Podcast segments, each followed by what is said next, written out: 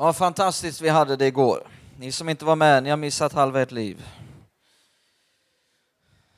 Men vi har ju andra halvan av livet idag, så det tur du inte missar hela ditt liv. Nej, det var fantastiskt, underbart roligt igår kväll. Kul att många har stannat kvar. Hjärtligt välkomna hit idag. Vi ska slå upp våra biblar om du har dem med dig till eh, första Mosebok 21. Första Mosebok kapitel 21.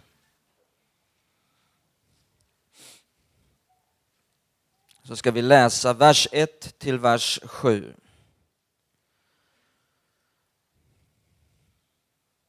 Men innan vi läser så ber vi tillsammans. Fader, i Jesu namn, vi ber till dig nu.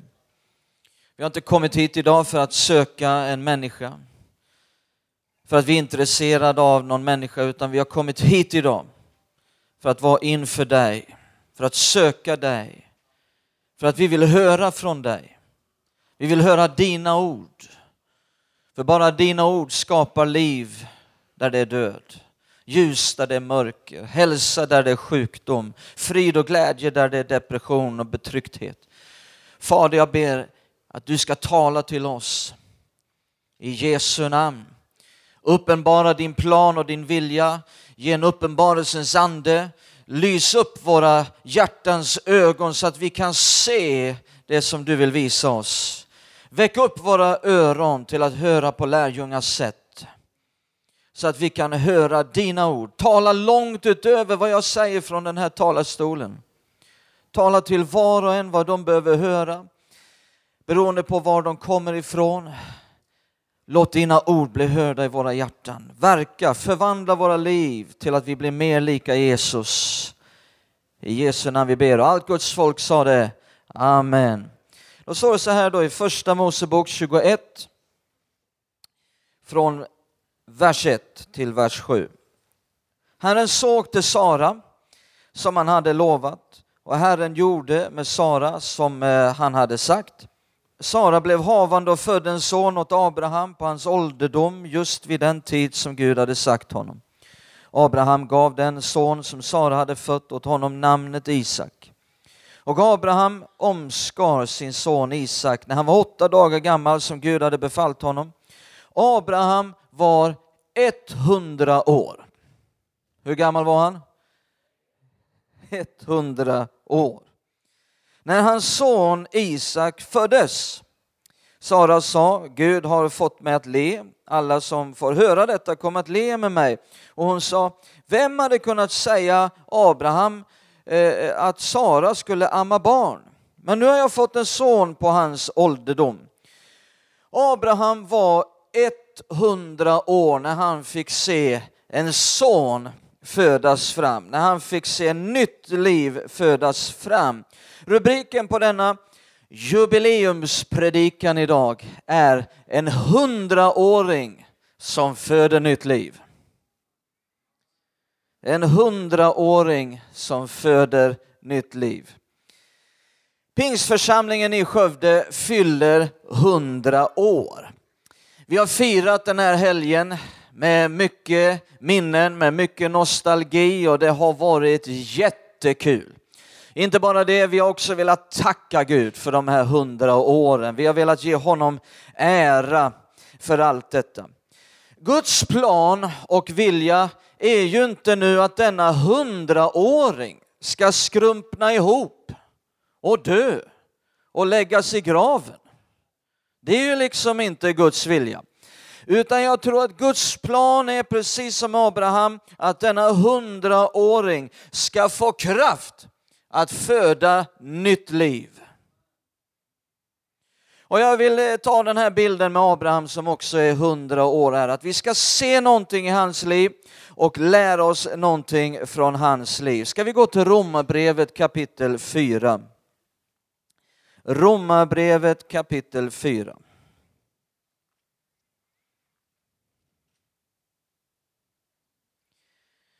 Och vi läser vers 17 till vers 21. Romarbrevet 4, vers 17 till 21. Så står skrivet, till fader för många folk har jag satt dig. Och det är han inför Gud som han trodde på, honom som gör de döda levande och kallar på det som inte är som om det vore till.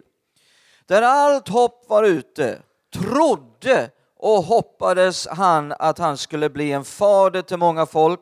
Som det var sagt, så talrika ska dina efterkommande bli. Han sviktade inte i tron då han tänkte på att hans egen kropp saknade livskraft. Han var omkring hundra år. Här kommer det igen med hundra år. Och att Saras moderliv var dött. Han tvivlade inte i otro på Guds löfte utan blev istället starkare i tron och gav Gud äran. Han var övertygad om att vad Gud hade lovat, det var han också mäktig att hålla. Du vet, det var ju ingen självklarhet att Abraham skulle få en son. Tvärtom. Det stred mot all logik. Det var ett rent mirakel från början till slut. Och på samma sätt är det inte heller en självklarhet att en gammal församling föder nytt liv. Det är ingen självklarhet. Tvärtom. Eh, statistiken visar i Sverige eh, att eh, det här årtiondet mellan år 2000 till 2010 eh, så startades 115 nya församlingar och det, det är ju väldigt bra va men eh, antalet församlingar som lades ner under samma period, dessa tio år, uppgick till hela 552 stycken. 552 stycken frikyrkor lades ner i Sverige under det första decenniet av 2000-talet. Det vill säga, det läggs ner en församling varje vecka. Det är en i veckan som läggs ner hela tiden. Jag blev frälst 1986 i Pingstkyrkan i Hällefors. Den församlingen finns inte mer. Så det är ingen självklarhet att en gammal församling föder nytt liv. Många gamla församlingar skrumpnar, dör och läggs i graven. Abraham, han insåg sin egen svaghet. Han nonchalerade inte det här eller låtsades om som att det inte var så. Nej, Abraham insåg sin egen svaghet. Det är den första nyckeln jag vill peka på här. Att det står här, i, i, vi läste det i vers 19, han sviktade inte i tron då han tänkte på att hans egen kropp saknade livskraft. Han tänkte på det, han såg det. Min kropp saknar livskraft. Och Saras moderliv är dött. Han betänkte detta. Eh, eh, så vi behöver inta samma ödmjuka position. Det är inte tid i Sverige att vi slår oss för bröstet och säger vi kan det här. Vi behöver inta en ödmjuk position och inse att i vår egen kraft, det är inte mycket med vår egen kraft. Tro är inte att förneka omständigheter. Tro är inte att förneka eh, hur det är, att förneka fakta. Det finns fakta över statistik i Sverige. Nej, tro, det är att inse omständigheterna och se på det väldigt krast, men sen vända sig till Gud av hela hjärtat och fokusera på vad säger han? Vad vill Gud? Och få tag om det och lyssna in det istället för att bara köra på. Abrahams tro enligt de här verserna så ser vi hur det hela tiden kommer tillbaka om hans tro. Han sviktade inte i tron, han blev starkare i tron, han trodde. Det var Abrahams tro som var den stora nyckeln. Vi kan slänga upp bild ett här. Genom tron, det här är min första punkt. Hur ska vi föda nytt liv? Jo, genom tron får vi kraft att föda nytt liv. Tro är den viktiga ingrediensen i hundraåringen Abrahams liv. Abrahams tro var den stora nyckeln till att Guds kraft blev förlöst och att Guds plan blev utförd. Vad är det då för typ av tro? Vad är det för typ av tro som Abraham hade? Vad kan vi säga om den? Titta i vers 17 igen, vers 17. Så står skrivet till Fader för många folk har jag satt dig och det är han inför Gud som han trodde på, honom som gör de döda levande. Och lyssna nu, kallar på det som inte är som om det vore till. Gud kallar på det som inte är till som om det redan vore till.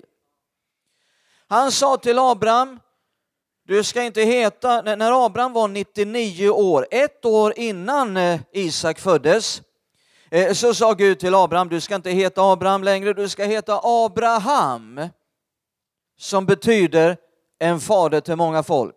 Och så sa Gud, du är Abraham. Du är en fader till många folk. Inte du ska bli det. Långt innan Abraham hade en enda son så sa Gud, du är det. Inte du ska bli det imorgon, om ett år. Nej, du är det. Nu. Ja, men det ser inte ut, just, det ser inte ut så. Du är det. I Guds sinne var det redan klart.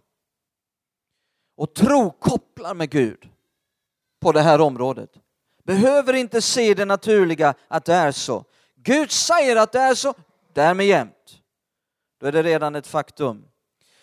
Eh, och det smarta av Gud, det var att ändra på Abrahams namn så att Abraham blev tvungen att tala tro. Tro kallar på det som inte är till som om det redan vore till.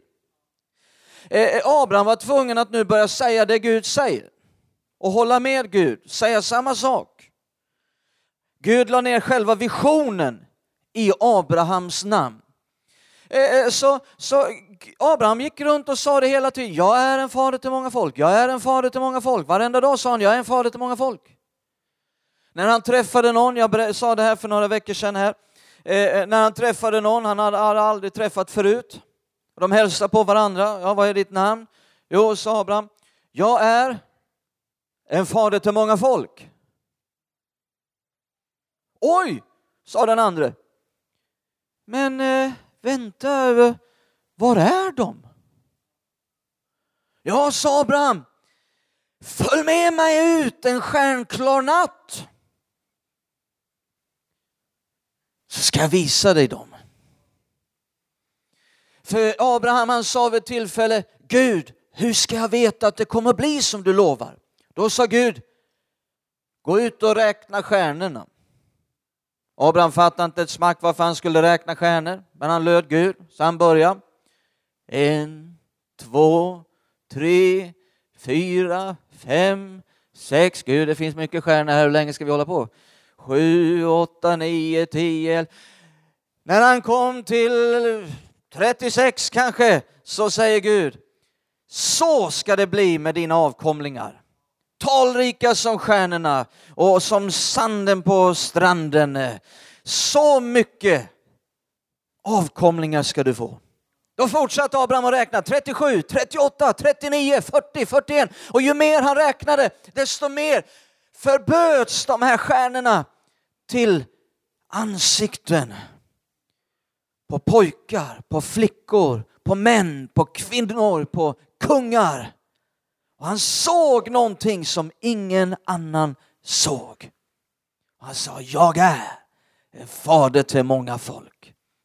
Det är vad tro är. Tro räknades som redan klart.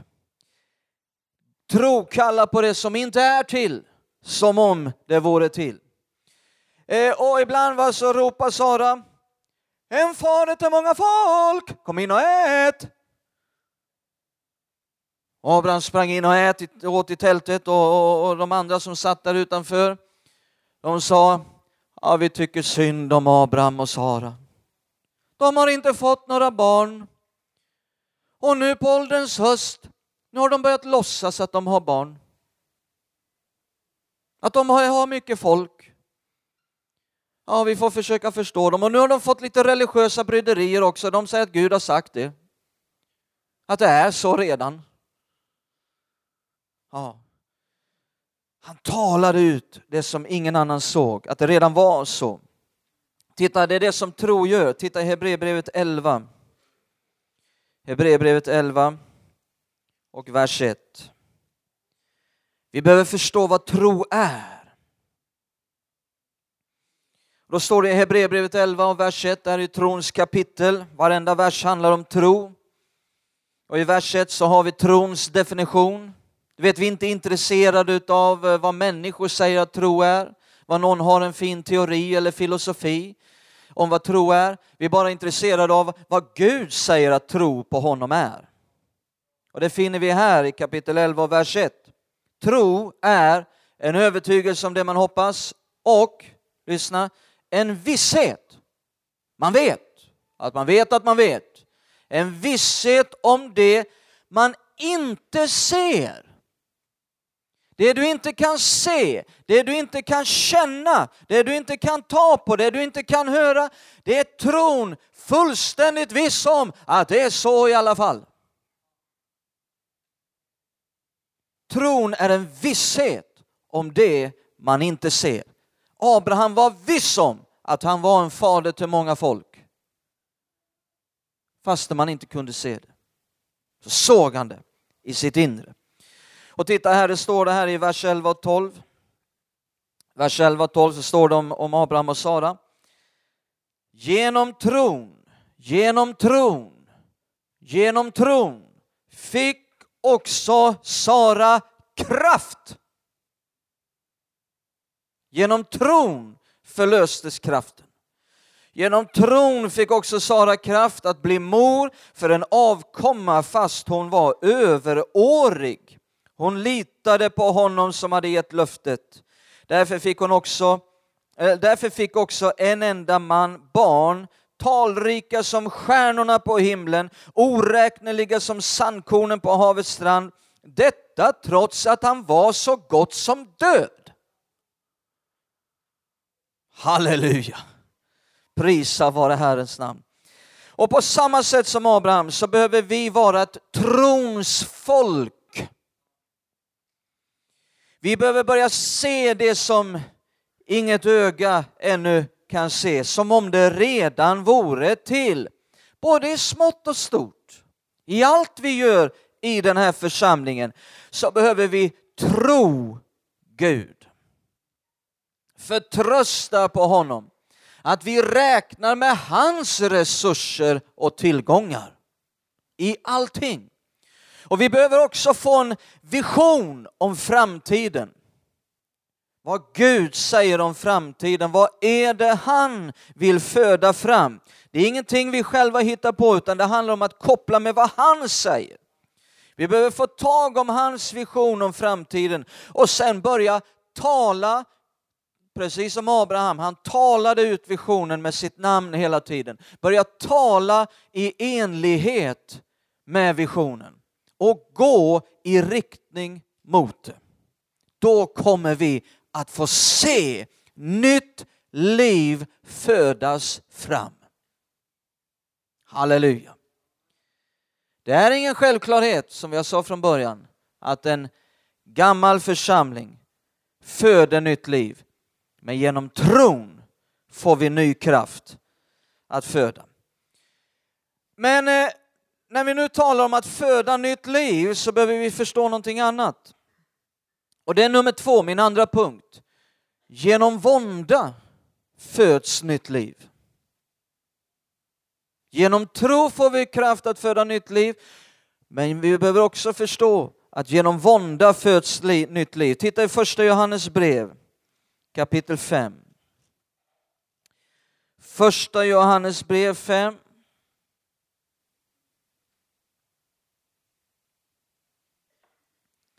Tack Johan för denna fina hylla. Första Johannes brev 5 och vers 19. Så står det först. Vi vet att vi tillhör Gud och att hela världen är i den ondes våld. Lägg märke till världen, ordet världen, hela världen. Det talar om världen, hela världen är i den ondes våld. Men om vi nu backar upp till vers 4 så handlar det också om världen som är i den ondes våld. Titta nu i vers 4. Ty allt som är fött av Gud besegrar världen som är i den ondes våld. Som den onde, Satan, har makt över. Där han råder. Men allt det som är fött av Gud, vi talar om att föda nytt liv. Och det som är fött av Gud övervinner eller besegrar världen. Och detta är den seger som har besegrat världen. Vår, vad då? Tro. Vår tro. Men det Gud föder. Titta här att det står att Gud föder. Gud är en Gud som föder saker. Han är en födande Gud. Vi behöver förstå detta om Gud. Det skulle kunna ha stått här att eh, allt som är skapat av Gud övervinner världen. Det skulle kunna ha stått att allt som är startat av Gud besegrar världen. Men det står inte det. Därför att Gud startar inte saker. Han föder saker. Genom hela Bibeln ser vi det. Gud startar inte saker. Han föder saker. Eh, och här står det att allt som är fött av Gud, det är det som besegrar världen. Det betyder att när Gud vill upprätta någonting, när han vill skapa någonting i en värld som är i den ondes våld, så inträffar något som bär kännetecken av födsel. Är ni med mig? Det blir inte bara till, puff, så startade Gud. Nej, det föds fram. Titta här, några bibelställen. Jesaja 42. Jesaja 42.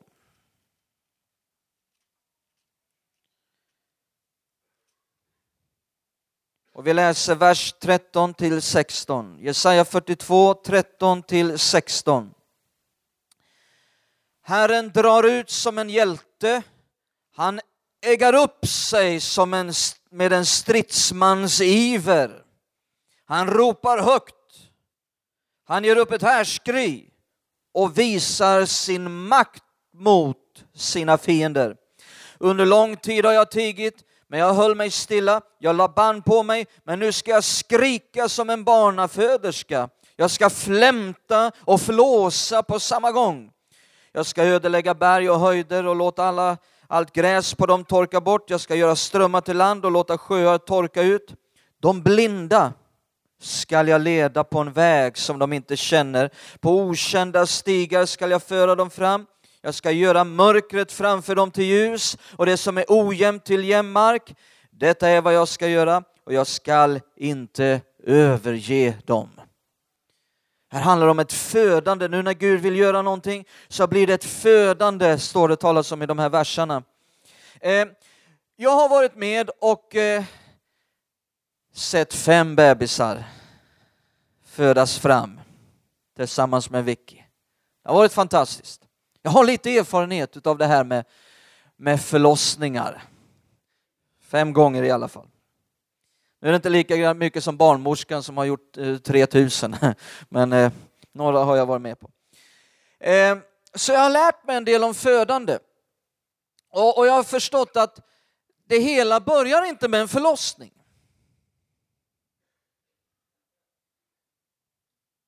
Utan det börjar med en befruktning. Och, och, och, och sen kommer en tid av havande. Man ska bära på det här nu. Sen kommer en tid av födsel då det är nöd, då det är vånda, då det är kamp. Men sen kommer en tid efter det av glädje. Och den glädjen kan vara så stor så att till och med kanske att föderskan eh, börjar glömma smärtan som var innan. För glädjen blev så stor. Och alla de här stadierna visar direkt på processen som ofta är ett faktum när Gud vill föda fram nya initiativ på den här jorden. Titta i Jesaja 66. När vi nu är i Jesaja, titta i kapitel 66. Det handlar om Israel som nation. Vilket initiativ som Gud talade om tusentals år innan det ens hände. Titta i Jesaja 66, vers 8-9. Vers 8-9. Vem har hört något sådant? Vem har sett något liknande? Kan ett land komma till liv på en enda dag? Eller ett folk födas, födas på en enda gång? Eftersom Sion föder sina barn redan när födslovåndan börjar. Skulle jag öppna moderlivet men inte ge kraft att föda, säger Herren. Eller skulle jag ge kraft att föda men sen hålla fostret tillbaka, säger din Gud. Det handlar om nationen Israel som blir till, men den startade inte, den föddes fram. Och snacka om att det var kamp, det var nöd, det var vånda. Det skedde en befruktning. Decennier innan så blev det en befruktning, sen blev det ett havande, sen blev det nöd, det blev kamp och det föddes fram. Det kom också en glädje. Gud föder fram. Titta i Galaterbrevet 4. Galaterbrevet 4 och vers 19.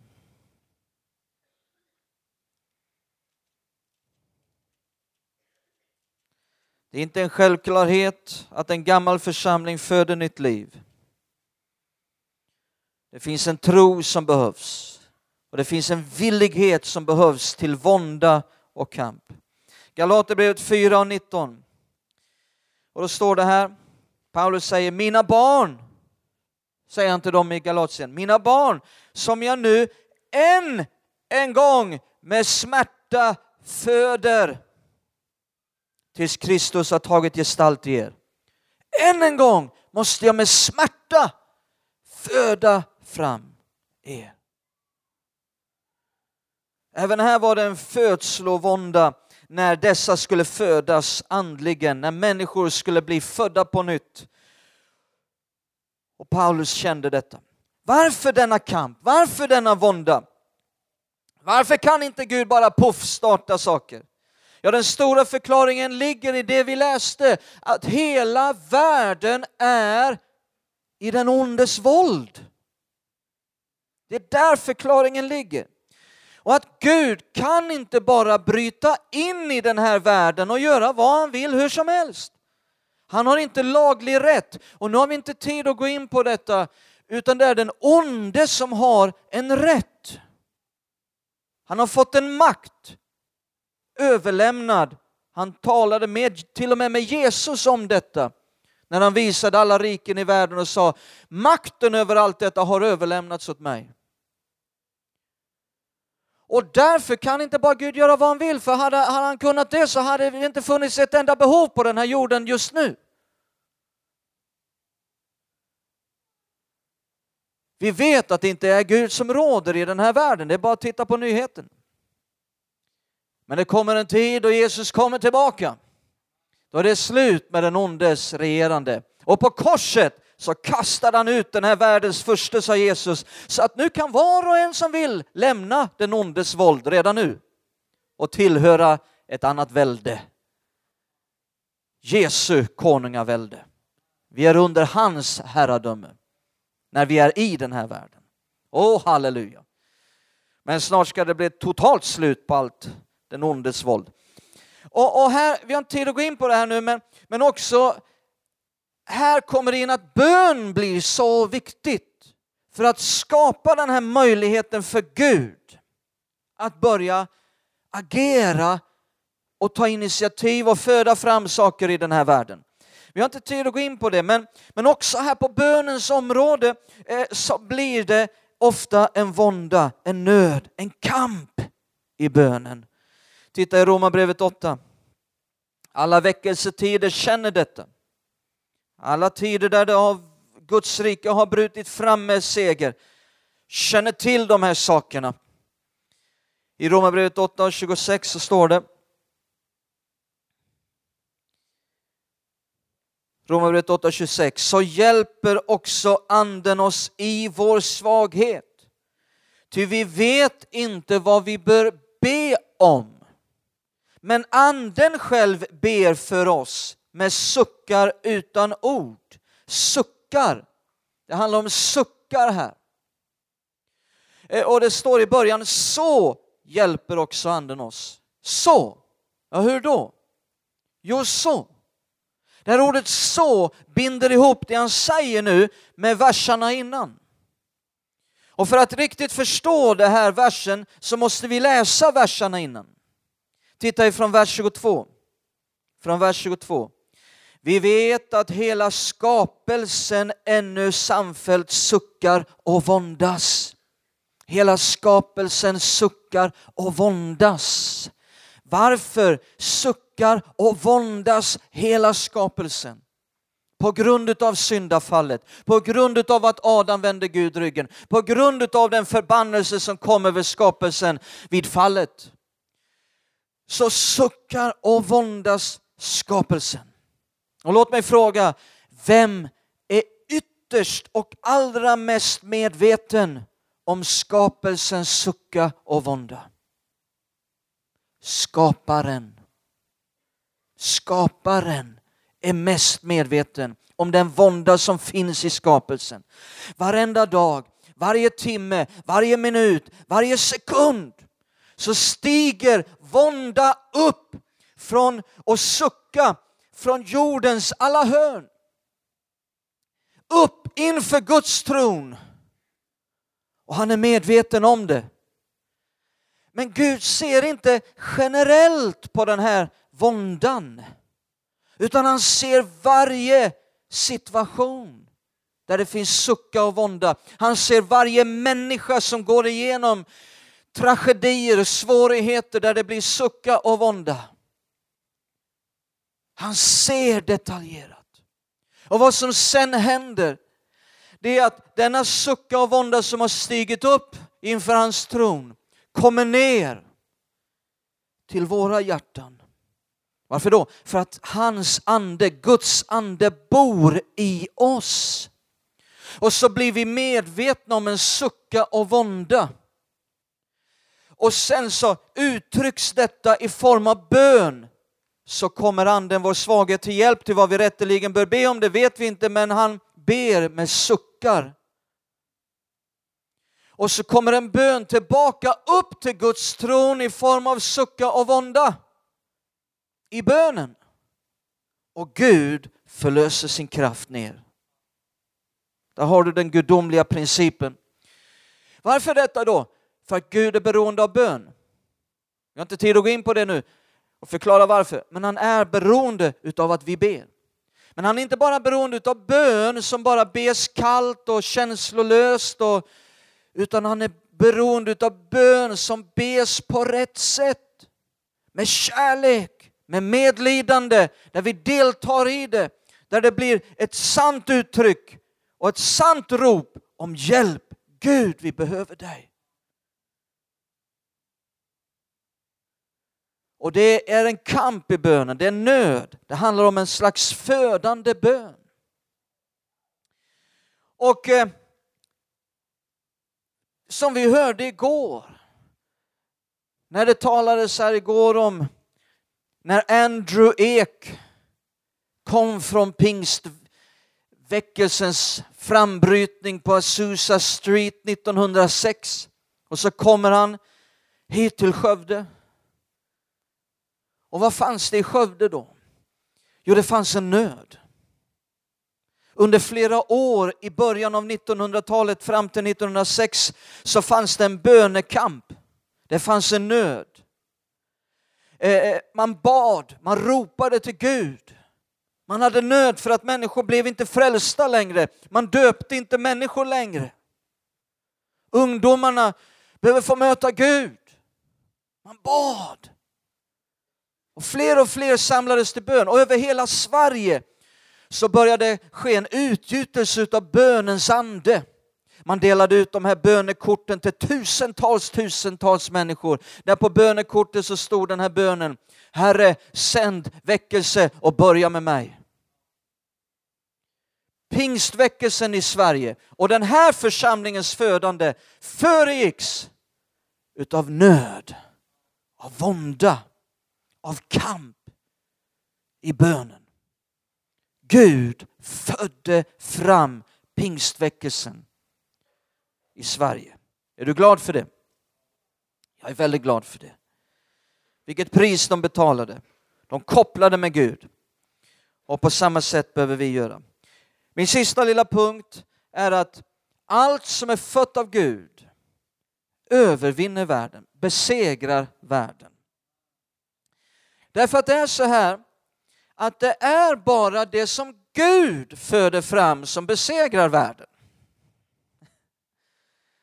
Eh, det är inte det vi själva föder fram som besegrar världen. Du vet, vi människor är kapabla att starta saker. Eller hur? Den här världen och omvärlden och hela vårt samhälle är kapabla till att själva föda fram saker och starta saker. Och kyrkor kan starta saker. I världen använder man till och med uttrycket att föda. Man säger A star is born. En stjärna är född. A star is Björn, sa man om Björn Borg. A star, a star is born. Så att även samhället kan använda det här med att någonting har fötts fram. Vi människor även i kyrkor kan föda fram saker. Men lyssna, det är bara det som Gud föder fram som är av intresse för Guds rike. Det är bara det Gud föder fram som kan besegra världen.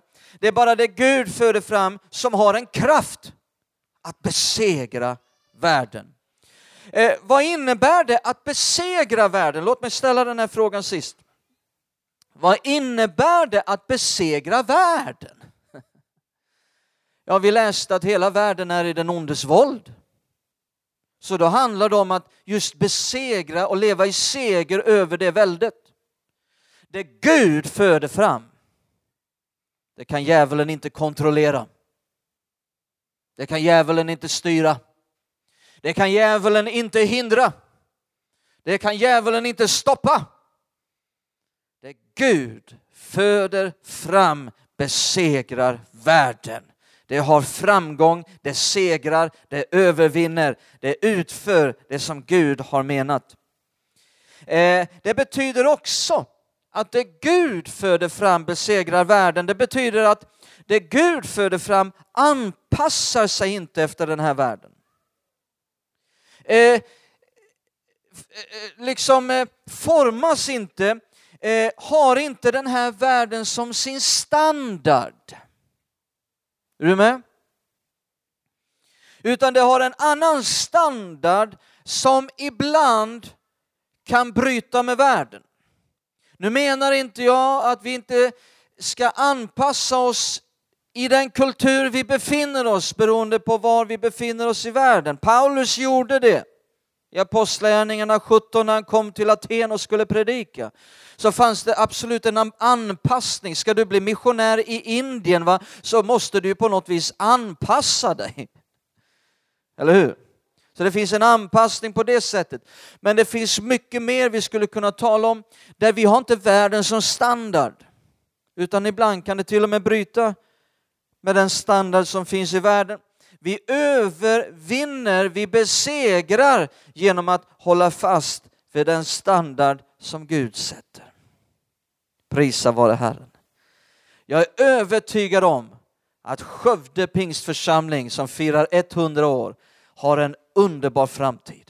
Vi ska få se Guds rike bryta fram.